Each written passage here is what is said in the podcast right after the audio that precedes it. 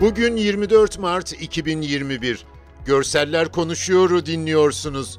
Ben Faruk Çalışkan. Günün en çok konuşulan haberi AK Parti'nin 7. Olağan Büyük Kongresi ve onunla bağlantılı gelişmeler. Bunun en baskın unsuruysa kongrenin açılışı ve Cumhurbaşkanı Recep Tayyip Erdoğan'ın hem Ankara Spor Salonu dışında hem de içinde yaptığı konuşmalar. Karlı havada salonun dışında bekleyenlere hitap eden Cumhurbaşkanı Erdoğan'ın eşi Emine Erdoğan'la bir fotoğraf dikkat çekiyor. Erdoğan'ın elinde mikrofon ve halka hitap ederken tebessüm eden Emine Erdoğan'ın bir eli Cumhurbaşkanı'nın sırtında sanki bir dayanışma işareti. Aşağıda bekleyen taraftarlarsa çeşitli pankartları kaldırmışlar. Değişik renklerde kalın şeritler halindeki pankartlarda delegelerin geldikleri yerler yazılı. Van, Kütahya, Adıyaman görülen iller arasında. Salonun içine gelince Erdoğan'ın tek başına göründüğü bir fotoğraf var. Eli kalbinde tebessümle tribünlere bakıyor. Ama fotoğrafın çekim tekniğinden dolayı tribünler sadece ışıklı bir zemin halinde görünüyor. Bir başka fotoğrafta ise Erdoğan sahnede ve iki elini de kaldırmış, iki elinde de dört parmağını gösteriyor yani Rabia işareti. Konuşmasının ayrıntılarına girmemiz bu podcast'ın süresini aşar ve zaten biz betimleme ile anlatma misyonunu taşıyoruz. Ama bu kritik nutkun bazı önemli noktalarını da aktarmamız gerekiyor.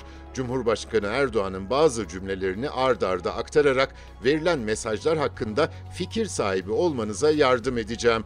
Türkiye'yi önce 2023 hedeflerine ardından da 2053 vizyonuna Cumhur İttifakı ile kavuşturacağız.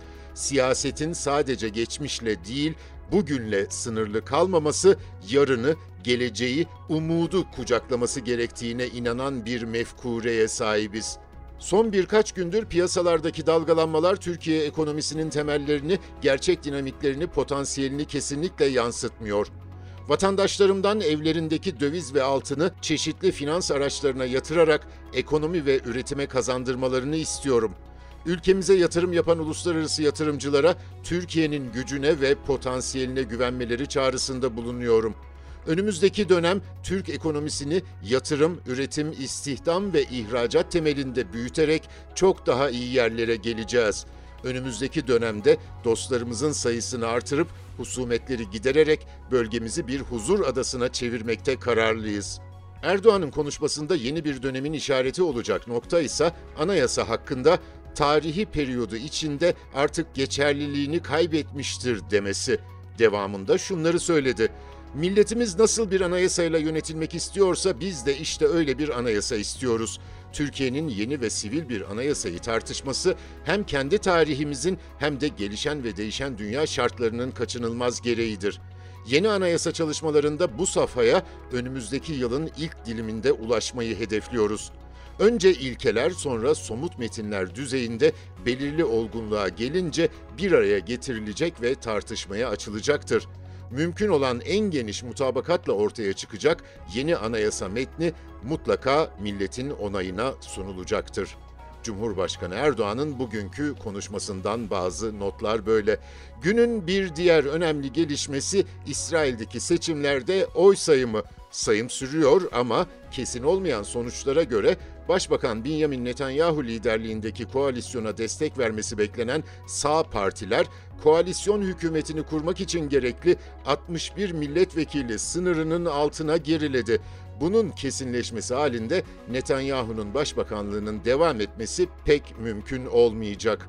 Bir diğer gelişme ise Amerika Birleşik Devletleri'ndeki yeni Biden yönetimiyle Türkiye hükümetinin ilk üst düzey teması hakkında.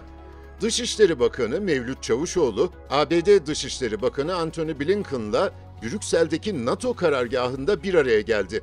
Diplomatik kaynaklardan alınan bilgiye göre bu ilk yüz yüze görüşmede ittifak ilişkisinin önemi vurgulandı. Blinken, Türkiye'nin Afganistan barış sürecini desteklemek için İstanbul'da toplantı düzenlemeyi teklif etmesi nedeniyle Çavuşoğlu'na teşekkür etti. Görüşmede Suriye, Libya ve Doğu Akdeniz konularında etraflıca görüş alışverişi yapıldı. Çavuşoğlu, Türkiye'nin ABD'den terör örgütleri PKK ve FETÖ ile ilgili taleplerini tekrarladı. Çavuşoğlu ve Blinken, S-400 savunma sistemi konusunu da ele aldı.